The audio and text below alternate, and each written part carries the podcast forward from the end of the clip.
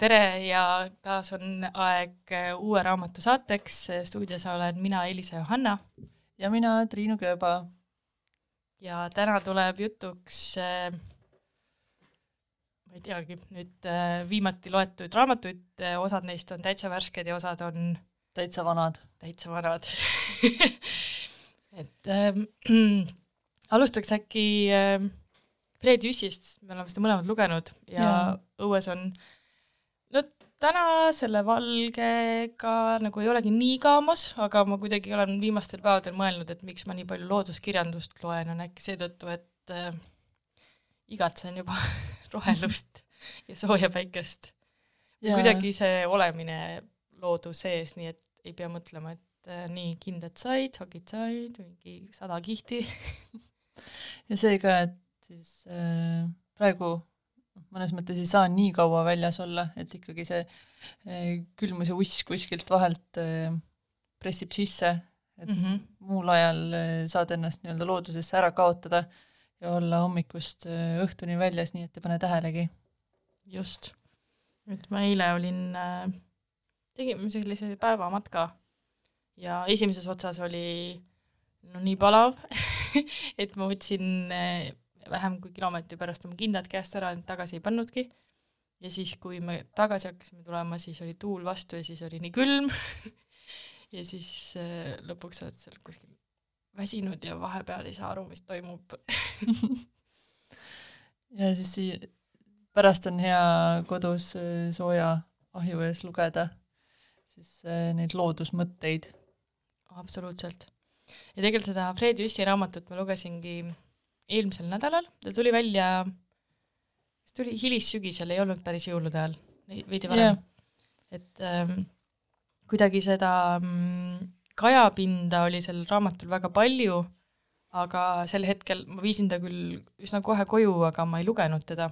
ja nüüd eelmisel nädalal äh, kuidagi mm, väsinud ja, ja tülpinud oli olla ja siis ma istusin mitu päeva lihtsalt kodus tugitoolis, lugesin seda Fred Jüssi raamatut, molutasin, siis ma jälle lugesin natuke ja siis ma molutasin natuke rohkem. Ja mida nagu selle raamatuga edasi aeg läks, siis seda rohkem ma molutasin ja tundsin sellest nii suurt naudingut, sest eh, mulle tundub, et eh, see, mida Jüssi eh, väga tugevalt selles raamatus ütleb, mm, on see, et eh, tarbetu tõmblemine ei vii mitte kuhugi. või tegelikult vist tuleks ka öelda, et tegelikult on need Fred Jüssi loengud äh, ähm, kirja või tema loengud siis äh, kirja panduna, need on olnud äh, Ööülikoolis ja see on Ööülikooli raamatukogu teine raamat. esimene oli Jaan Kaplinski Vaimupaik, mis on ka suurepärane. ja ma olen nende mõlemaga mõelnud seda, et äh, miks see raamatuna toimib, sest äh, Ööülikool on just äh, teada-tuntud headuses äh, kuulamisena, näiteks mingid pikad sõidud või kuskil, mulle endale meeldib näiteks äh, pikema söögiteo kõrvale kuulata mingisuguseid podcast'e. aga et miks just need raamatud äh, kuidagi väga hästi toimivad, on see, just see ülikooli pool või see nagu selle kooli pool selles, selles sa- sarjas. et ma olen alati tundnud puudust sellest, et, et ma, kui ma kuulan näiteks otse, siis ma ei saa panna pausile ja tagasi kerida või kuidagi nagu mingeid mõtteid üles kirjutada ja siis nende raamatute puhul on see, et see, see on juba mul siin ees, ma saan seda alla joonida, saan mingisuguseid lõike nagu omavahel kuidagi kombineerida või et see, see on minu jaoks kuidagi väga oluline olnud. jaa, ma olen viimasel ajal hakanud ka harrastama äh, allajoonimist. et see ja siis äh, lisaks allajoonimisele siis tõmban lehekülje numbritele ka ringe ümber, et ekstra tähelepanu tõmmata, et see on siin. ja ei, vahepeal on hea ikka tagasi tulla nende mõtete juurde ja saad ka läbi enda näha, kuidas oled arenenud, et kui mõned aastad tagasi alla joonitud lauseid lugeda, siis mõtlen, oh, siis mõtlesin niimoodi, okei okay. sellega on üldse huvitav see, kuidas kellelgi on tekkinud äh, see harjumus midagi alla joonida või üles märkida, mis, mis, mis äh, kellegi mm, tavaks on saanud. tean näiteks vähemalt ühte inimest, ke-, kellel on need tagumised tühjad lehed paksult täis kirjutatud mingeid mõtteid või mingeid olulisi kohti välja toodud, et väga ilus on vaadata alati. aga mm, ma ise kunagi ähm, lugesin Zuusaki raamatu Varast ja siis ma olin teinud nii, et ma märkisin kleepsudega üles lehed, aga mitte selle, et mis seal lehel oluline on. ja kui ma nüüd vaatan, siis ega ma ei tea. jaa, mul on sama juhtunud, täpselt sama. sa mõtled, et see on nii oluline asi, et sa ei saa seda kindlasti ära unustada, aga loed selle lehe üle ja mõtled, et nagu mul pole õrna aimugi. praegu nagu ei ole miski mõte nii oluline just sellel lehel. ma olen äh, mõelnud ka seda või fantaseerinud sellisest asjast, et eh, tahaks lugeda mingit eh, raamatut siis, mida on eelnevalt lugenud vähemalt kümme inimest, kes kõik jooniksid alla endale olulised kohad, et siis näha, kui palju ühe raamatu lõikes on neid erinevaid eh, kohti, mis kedagi puudutab. kas need oleksid siis kuidagi erinevat moodi või erineva pliiatsiga või midagi? ja näiteks erinevat värvi või mm -hmm. kuidagi ära märgistatud ja see oleks päris põnev lugeda. mul on selle üks trauma muidugi ka, et ma laenutasin mingisuguse teksti või no mingi raamatu ülikooli jaoks, mida ma tahtsin väga lugeda.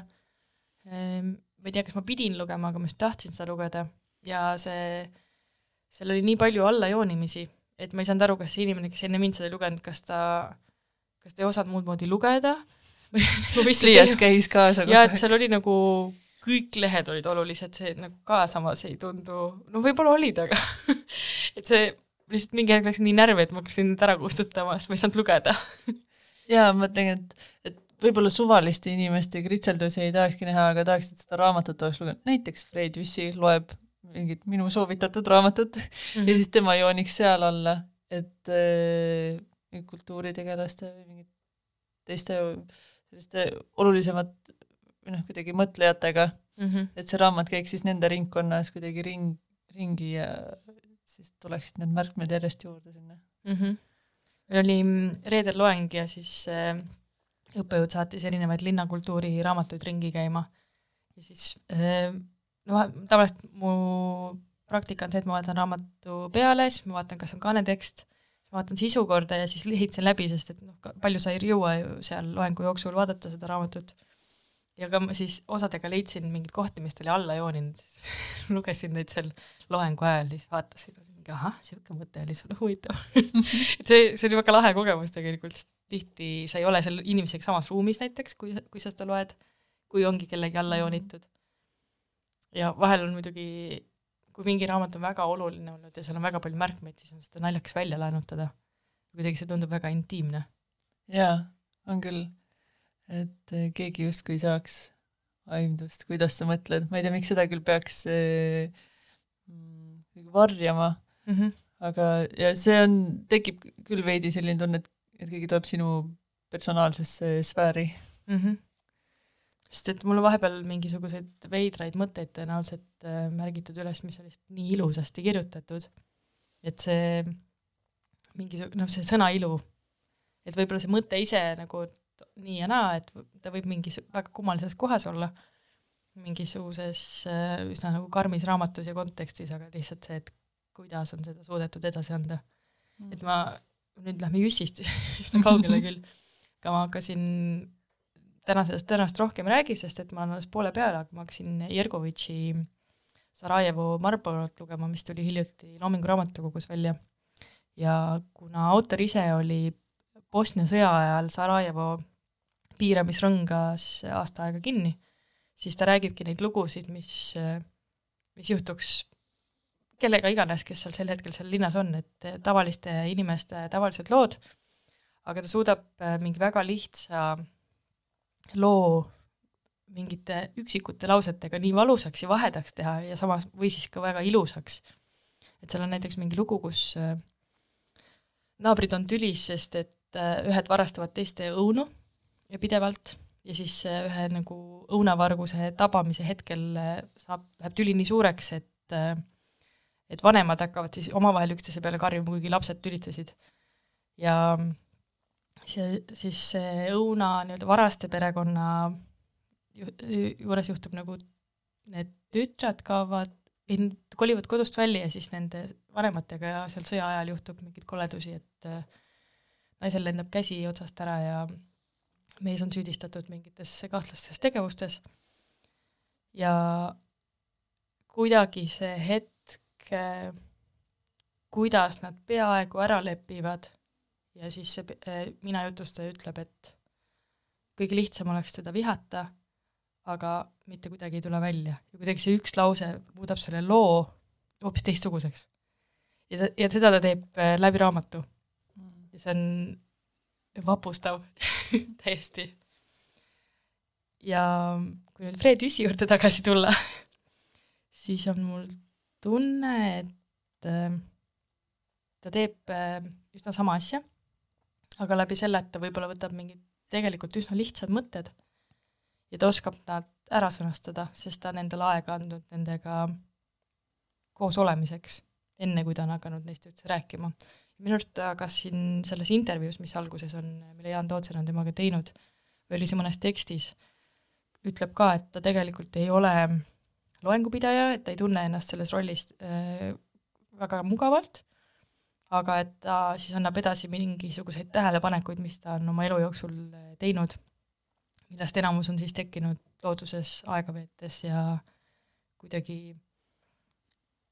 jah, nagu ma ütlesin, et andes aega nagu sellel mõttel tulla enda juurde ja kuidagi settida. jaa, ta, tema mõtetega on just see, või noh, just ta oskab neid tundeid, mis looduses äh, tekivad, neid oskab sõnadesse äh, nii hästi panna. et kui sa oled looduses, sul on selline hea õnnis äh, olla, aga sa päris täpselt ei oska näppu panna selle peale, siis tema oskab ja ta teab, kust see tuleb ja miks see tuleb mm. -hmm.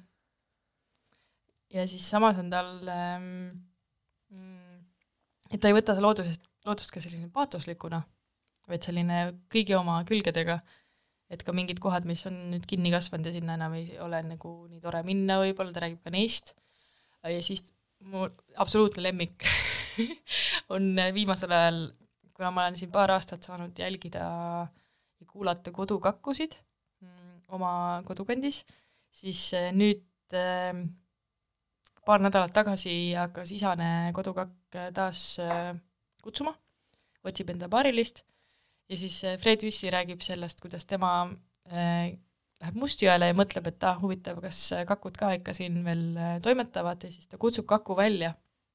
ehk siis, kui sa kakule teed tema enda häält, siis ta on väga uudishimulik ja tuleb vaatama, kes see teine on tema territooriumil. ja siis ta ütleb selle kohta umbes täpselt sõna, sõnalt nii, et no hea küll siis jaurab.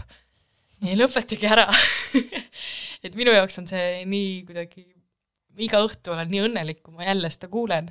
aga ma kujutan ette, et kui sa oled juba sellega nagu nii kaua tegelenud ja kuidagi tuleb su kõrvale, no vait ei jää enam muud ei kuulegi et sa oled läinud loodust kuidagi kuulama ja olema seal, siis see kakk äh, võib, võib kohati võib-olla mõjuda ka nagu kellegi raadio, kes ei oska looduses olla muud moodi kui oma müra sees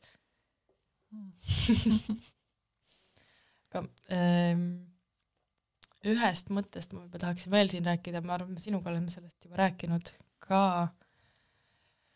Ehm, või siis see oli täpselt, kui ma, kui ma seda lugesin, see oli täpselt ära, aga ma arvan, et me oleme nagu otsapidi sellest varem rääkinud, aga väga meeldis see Fred Jüssi mõte, mis ta räägib ähm, karjäärist ja võib-olla ka siis sellisest üldse nagu elus olemise viisist, äh, millega ma väga samastun.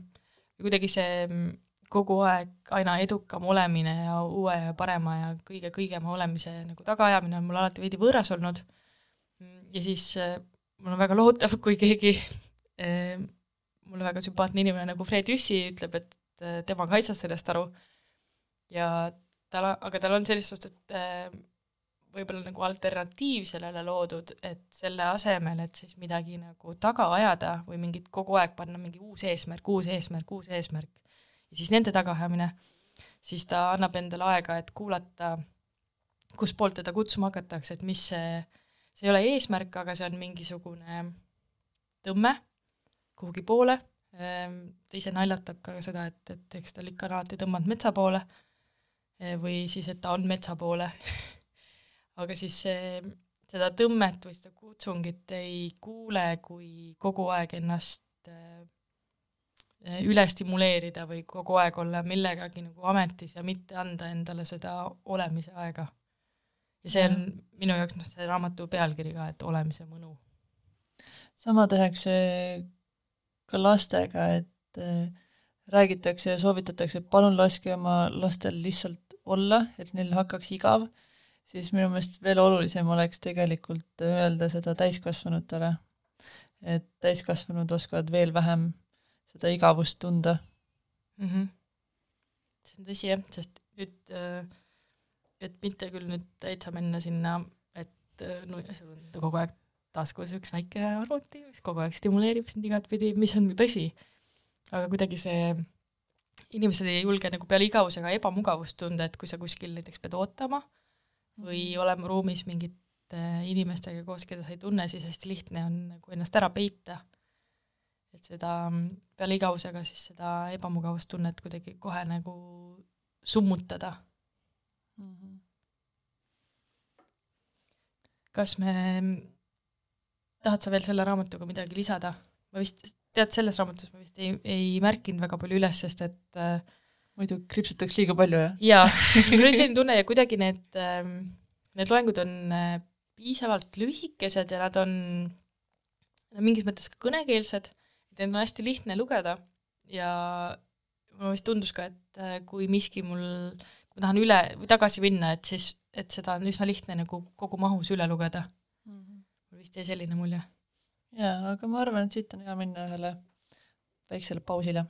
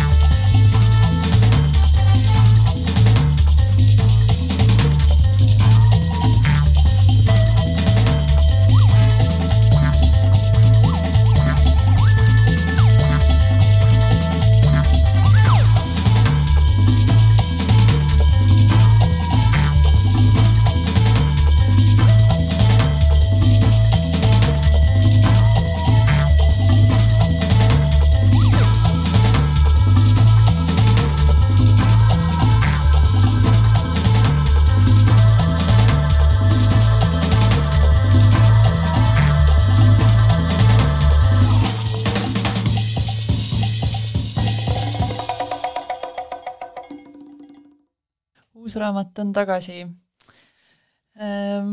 ma räägin siis oma ühest viimasest lugemiselamusest, mis tõesti oli elamus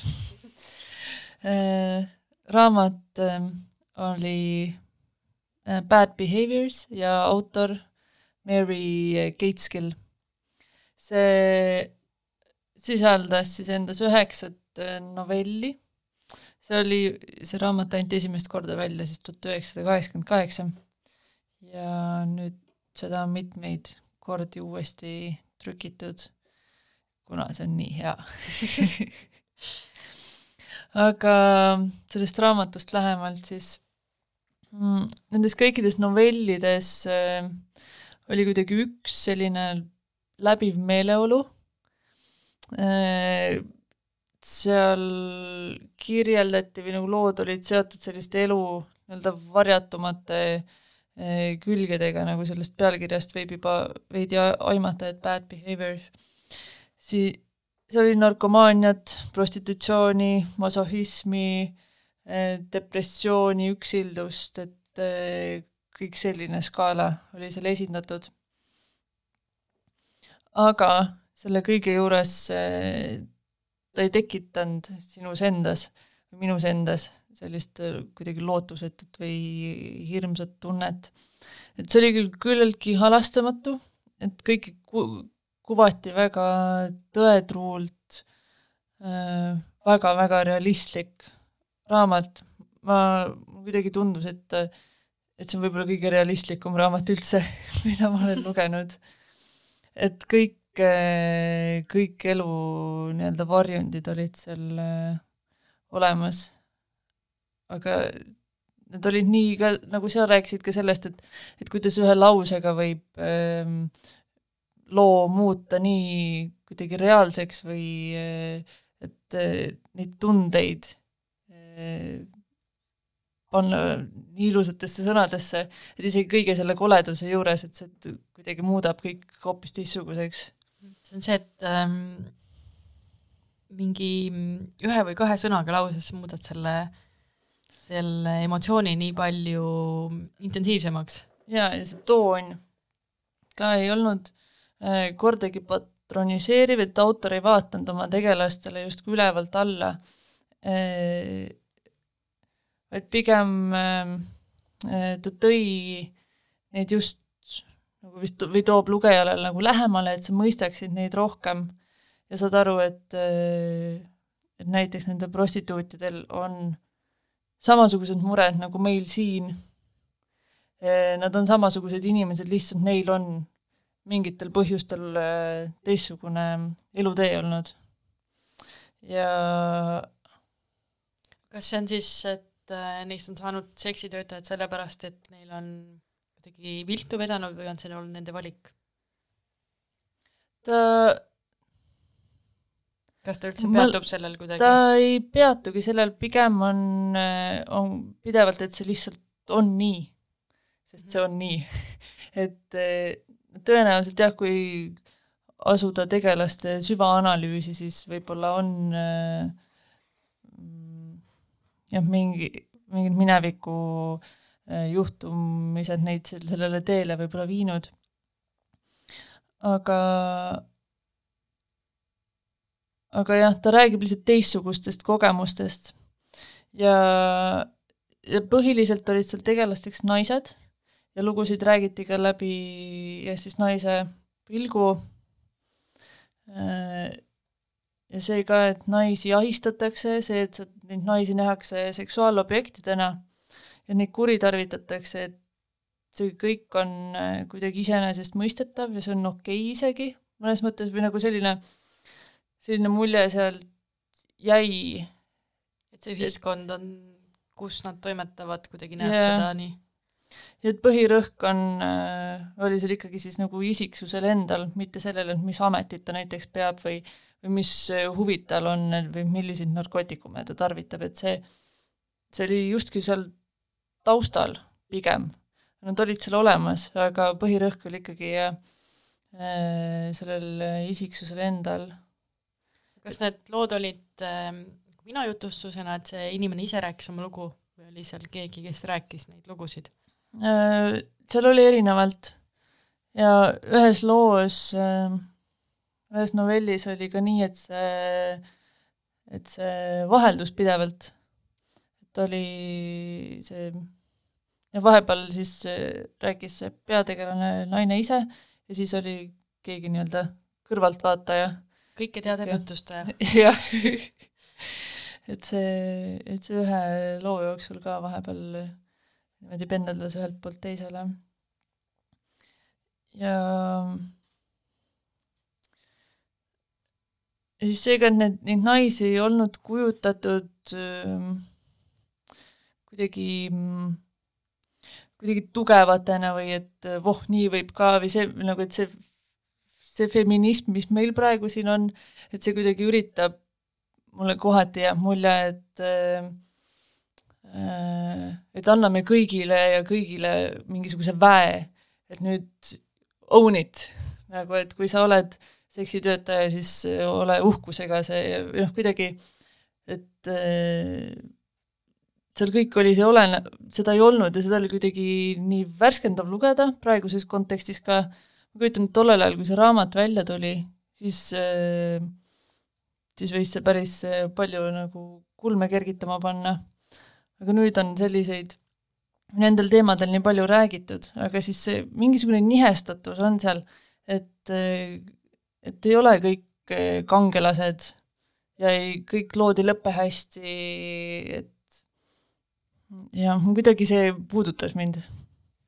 ma arvan, et ähm, kui nii sulle kui kõigile, kes kuulavad ja keda see kirjeldus äh, pani tahtma seda raamatut haarama äh,, haarata siis äh, Lucia Berlini Koduabilise käsiraamat äh, võiks ka olla midagi sellist, mis meeldiks mm. -hmm. sest et tal on ta samamoodi, et tal on enamus lugusid siis äh, naistest äh, või siis ka naisjutustaja äh, läbi mitte päris kõik, aga suur enamus ja seal on samamoodi see, et ma ei tundnud, et ma varem oleks lugenud äh, alkoholismist äh,, äh, mis siis äh, on enda võimusesse naise haaranud, sest on neid nagu joodiku lugusid on hästi palju ja mingeid, no ma ei tea, Bukovski ülistamisi ja nii edasi, aga see, et just, et äh, naiste alkoholismist ei ole ma varem lugenud ja siis see Berliini raamat, Berliin ise oli ka hädas äh, Oma pudelikest, aga et siis ta on pannud oma selle kuidagi mitte ainult valu, aga ka sellise eh, igapäevase toimimise sinna lugudesse, et see on kohati nii kainestav, eh, aga sõnavalik naerma praegu, et, et see, ta on kuidagi samas nagu nii toores ja, ja südamlik korraga. jaa, vot toores on see õige sõna, mis selle raamatu kohta sobiks ka hästi jah. see oli siis Mary Gateskilli Bad Behaviors novellikogu. ma lähen siit edasi Ilja Prozorovi äh, raamatu juurde äh,. siin jaanuarikuus ilmus Loomingu raamatukogus äh, tema raamat kahe looga, D-Train ja Roheline piinapink. ja Ilja Prozorovit minu teada on eesti keeles, on Eesti novell, kas oli kaks tuhat kakskümmend üks kogumikus oli tema lugu Apelsiinised alleed, mis tekitas mul selle küsimuse, et kes see tüüp on ja miks ma teda enne lugenud ei ole. et see, see lugu oli nii lahe, et ma kuidagi ei olnud ammu tundnud seda, et et mingi värviga on antud loole kuidagi selline mekk külge, et ma nagu, ma tundsin seda kuidas see sinine hommikuvalgus niimoodi tulemas on, postiljon viib posti ja siis kuidagi mingid asjad, mis tal juhtuvad ja siis apelsinised alleed, kuidagi see, see oli nii, nii mõnus lugemine, et ma väga ootasin, et saaks veel temalt midagi lugeda, sel hetkel vaatasin, et ei olnud, oli, ta kirjutab vene keeles, et ta elab muidu Eestis, aga kirjutab vene keeles ja siis vist vahepeal ilmus äkki üks lugu ka kuskil, kas oli Vikerkaardes või Loomingus, mis ka tõlgiti. Äh, ja nüüd siis äh, raamatuna ähm, eesti keeles. kui ma nüüd õigesti mäletan, siis tal vene keeles ilmus ka eelmine aasta üks raamat äh, Eestis. ma selle pealkirja jään võlgu küll hetkel. aga D-Train ja Roheline piinapink, kaks erinevat lugu, kaks erinevat peategelast, aga neid ühendab siis mingisugune pagulus. esimese puhul on peategelane noor naisterahvas, kes äh, jõuab oma käikudega New Yorki. Siis teisel puhul on noor meesterahvas, kes samamoodi New Yorki jõuab, aga nende need pagulaslood on väga erinevad, et mitte siis nagu lõpuni ära rääkida, mis seal toimub Äh, siis selle naise puhul on kuidagi see keelebarjäär teeb sellest äh, sellise natukene nagu kurva, kurva loo, kuigi ta on väga selline ma, sel hetkel mõtlesin niisugune klassikaline nagu naine, kes saab alati hakkama iga sitaga. et see, et tulen teise riiki, okei okay,, ma olin varem juuksur, leian ikka mingi koha, kus ma saan juuksurina tööd teha, teen lihtsalt sitaks tööd kogu aeg, äh, panen kogu aeg raha kõrvale kodust, kus mind halvasti koheldi, küsitakse raha, ikka saadan, kõik saadan ära, siis aga kuidagi see, selle asja juures ta, ta natuke niisugune totus ja ma ei saagi aru, kas ta on tehtud meelega selliseks naiivseks tegelaseks või siis see naiivsus tuleb sellest, et ta ei räägi hästi keelt, et see jääb nagu lahtiseks minu jaoks siin tekstis, mis on hea variant, mulle iseenesest meeldib, et ta ei ole mingisugust hinnangut sellele tegelasele andnud, et sa saad seda ise otsustada. Aga kuidagi see, see täiesti uues keskkonnas kuidagi omaette olemise äng on siin sees samas. ja see roheline piinapink, seal on seda ängi rohkem. ja ma ei saa liiga palju ära rääkida, miks, mis see roheline piinapink on, sest ma tahaks, et see inimene, kes raamatut loeb, ise avastaks, milles see seisneb ja kuidas ähm, võib-olla mõni katteta lubadus äh, võib lõpuks piinavamaks osutuda, kui mõni keskkond on siit, tuleb siit loost. aga selles teises osas on siis sellist nagu mingit müstilisust äh, üksjagu sees, mis mulle väga meeldis. ja mm, kuna ma originaalis teda lugeda ei oska, ehk siis vene keeles, siis äh, usaldan tõlget ja väga-väga mõnus on. kuidagi see jutustus jookseb väga lobedalt ja ja, ja nagu mõnus on lugeda tema tekste. aga kas tal on äh, ilmunud, tead sa äkki ka mõned, äh, mõni pikem raamat, kas see venekeelne raamat oli äh, romaan? ka novellikogu minu teada, et äh, see D-Train on kindlasti ka seal sees, et ma ei tea, kas Roheline piinapink ka mm. -hmm. aga see oli ka minu arust pigem õhemapoolsem, et äh, äkki siis ka kuskil kaks-kolm lugu mm.. et ta on pigem novellimeister? Pigem novellimeister jah, aga kuna ta on äh, noor autor, ta on sündinud äh, tuhat üheksasada kaheksakümmend seitse, siis ma täitsa nagu ootan, mis siit veel tulemas on. aga samas on, mm, kui on kätt novelli peale, siis ma ei tea, kas, kas romaani peab pungastama, et võib-olla siis läheb imelikuks kunagi ei tea. kunagi ei tea teeme ühe ähm,, issand, kuidas sõna ei tule meelde, teeme ühe muusikapausi, ma tahtsin ilusama sõna käest öelda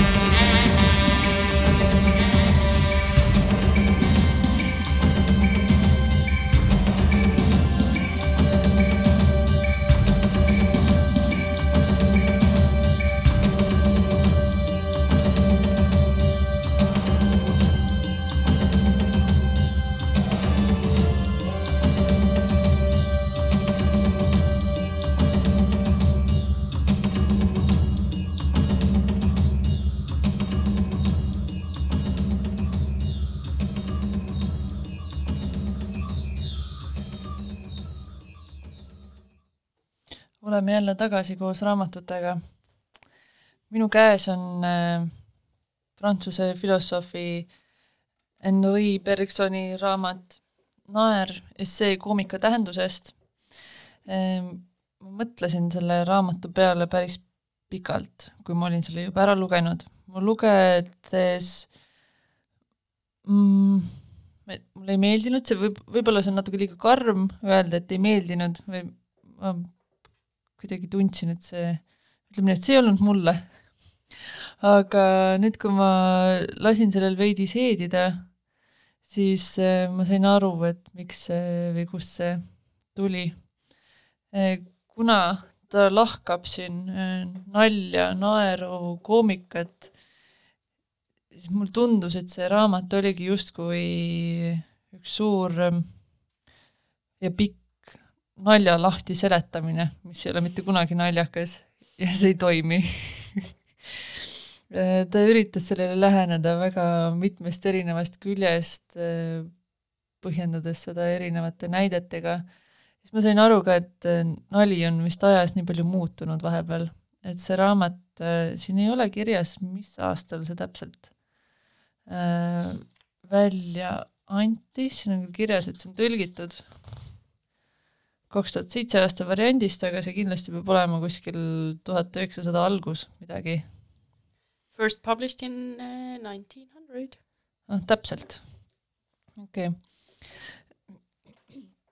et need näited, mis ta nalja kohta tõi, need tänases päevas ei ole absoluutselt naljakas ja ma mõtlen seda, et kuidas, et kui veel nüüd minna edasi viiskümmend aastat, sada aastat, et eh, kuidas see nali siis muutuda võiks. mis on väga huvitav, mind pani see mõtlema, et et see vist kultuuriline äh, taust või, või noh, kõik, kõik areneb ka, et siis nali areneb ka, tahaks seda eh, uut arenenud nalja kuulda kui oleks võimalik. aga siin raamatu lõpus tuli minu jaoks väga niisugune mõnus osa ka, mida ma nautisin ja mida ma alla kriipsutasin. ja ma tahaksin siit ähm, ka ette lugeda, see on küll, loodan, et äh, jaksate jälgida me ei näe asju endid, vaid me piirdume enamasti nende külge kleebitud siltide lugemisega. see vajadusest pärit kalduvus on veelgi enam teravdunud keele mõjul, sest sõnad, peale pärisnimede tähistavad liike.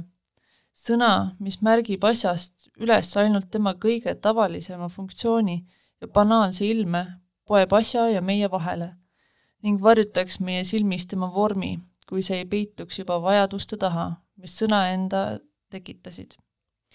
ja mitte ainult välised asjad, vaid ka meie enda hingeseisundid jäävad meile tabamatuks selle suhtes, mis neis on intiimset, isiklikku ja algupäraselt läbi elatud. kui me tunneme armastust või viha, kui me elame läbi rõõmu või kurbust, kas jõudis siis meie teadvusse tunne ise oma tuhande põgusa nüansi ja tuhande sügava vastukajaga, mille tõttu ta on täiesti meie oma? siis me oleksime kõik romaanikirjanikud, poeedid, muusikud kuid enamasti me täheldame oma hingeseisundist ainult tema välist laialilaatumist. me haarame oma tundeid ainult nende umbisikulisel ilmel, mille keel on saanud lõplikult paika panna, kuna ta on kõikides tingimustes ja kõikide inimeste puhul enam-vähem ühesugune.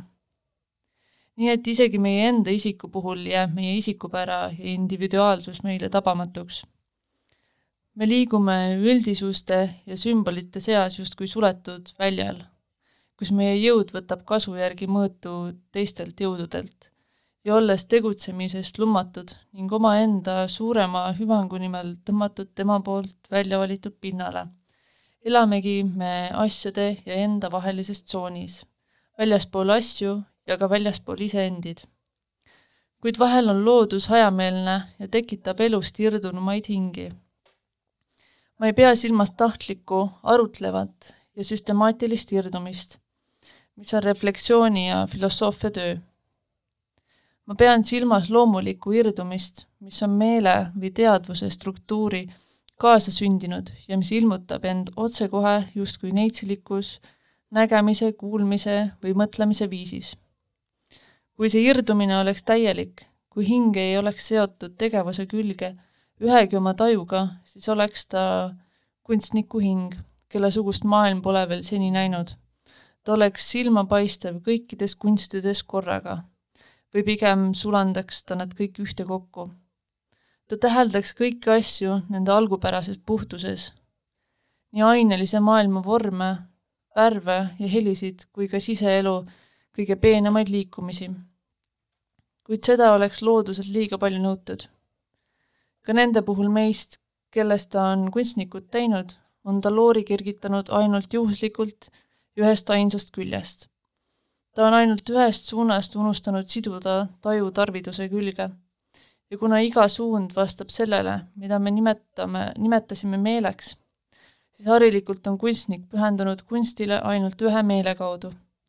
sellest tuleneb kunstide paljusus, sellest johtub ka eelsoodumuste spetsiifilisus. Üks indiviid värv, värvidesse ja vormidesse ning kuna ta armastab värvi värvi pärast ja vormi vormi pärast, kuna ta tajub neid nende endi ja mitte iseenda pärast, siis näeb ta asjade vormide ja värvide kaudu läbi kumamas nende sisemist elu. ta toob selle meie esialgu segadusse viidud tajusse vähehaaval sisse.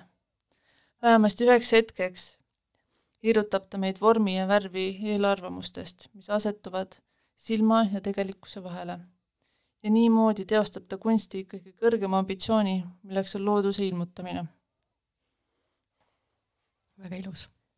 see läheb kokku ka võib-olla selle Fred Jüssiga, et et siis Bergson kuidagi kirjeldas, et meil on nii-öelda kunstnikel või loovisikutel siis on ühest kohast veab natukene teistmoodi, et siis, et neid tajusid tunda rohkem kui ühest, ühes suunas rohkem tajuda kui teistes suundades ja siis saame neid vahendada.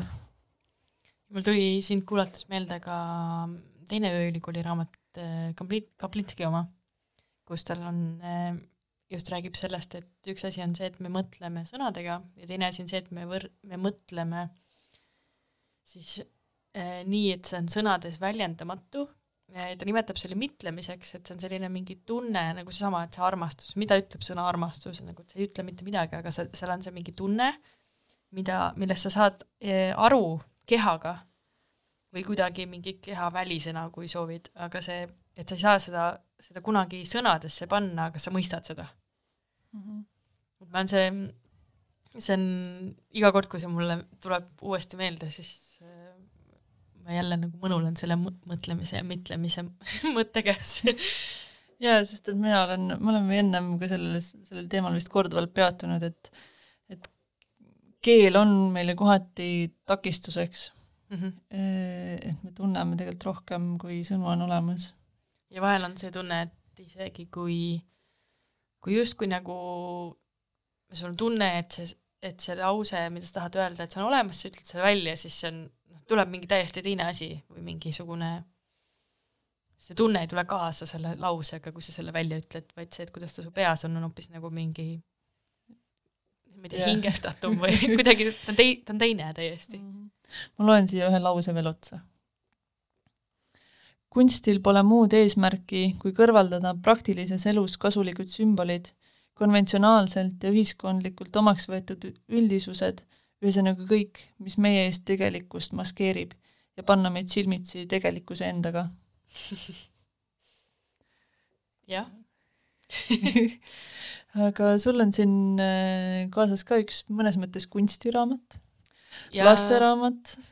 jah, sellega ongi nüüd selline huvitav asi, et ähm, ma nägin, et äh, raamat ise on Piret äh, Raua Järvekiri ja ma nägin, et Piret ise on ka natuke kimbatuses, et kellele see raamat siis on mõeldud, kas ta on lasteraamat või ta on täiskasvanute raamat, sest äh, tal on, tal on väga kindel käekiri.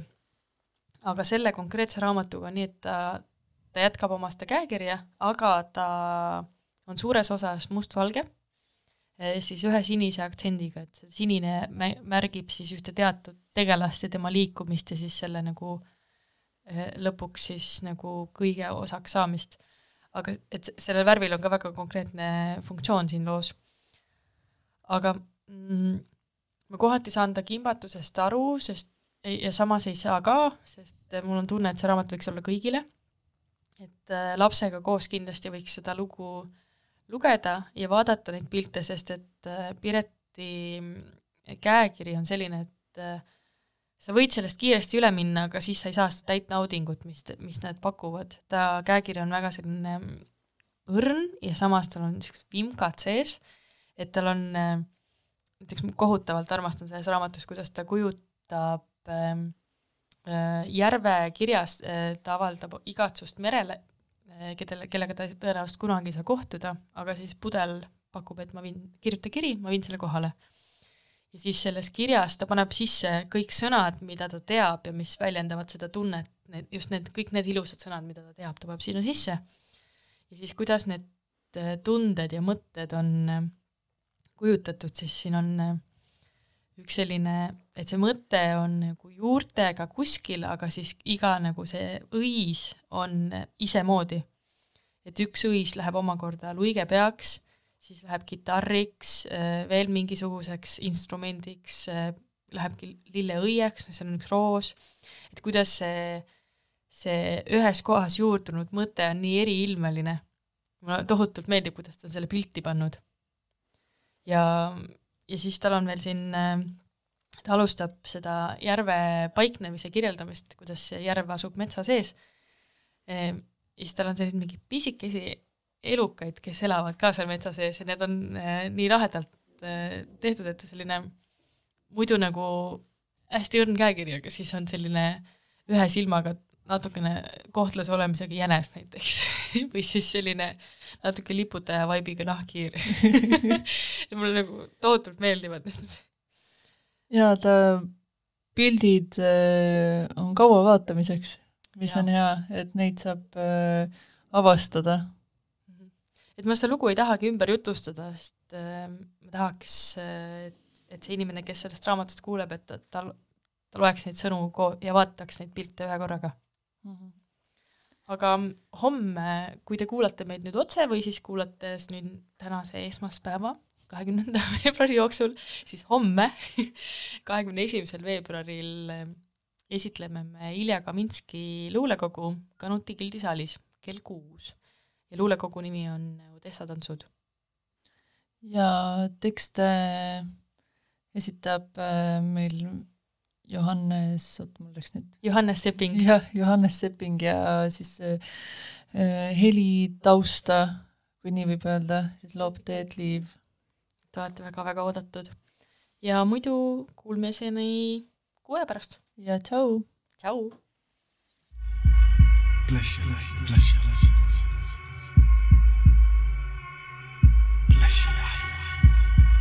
Bless your bless bless your bless.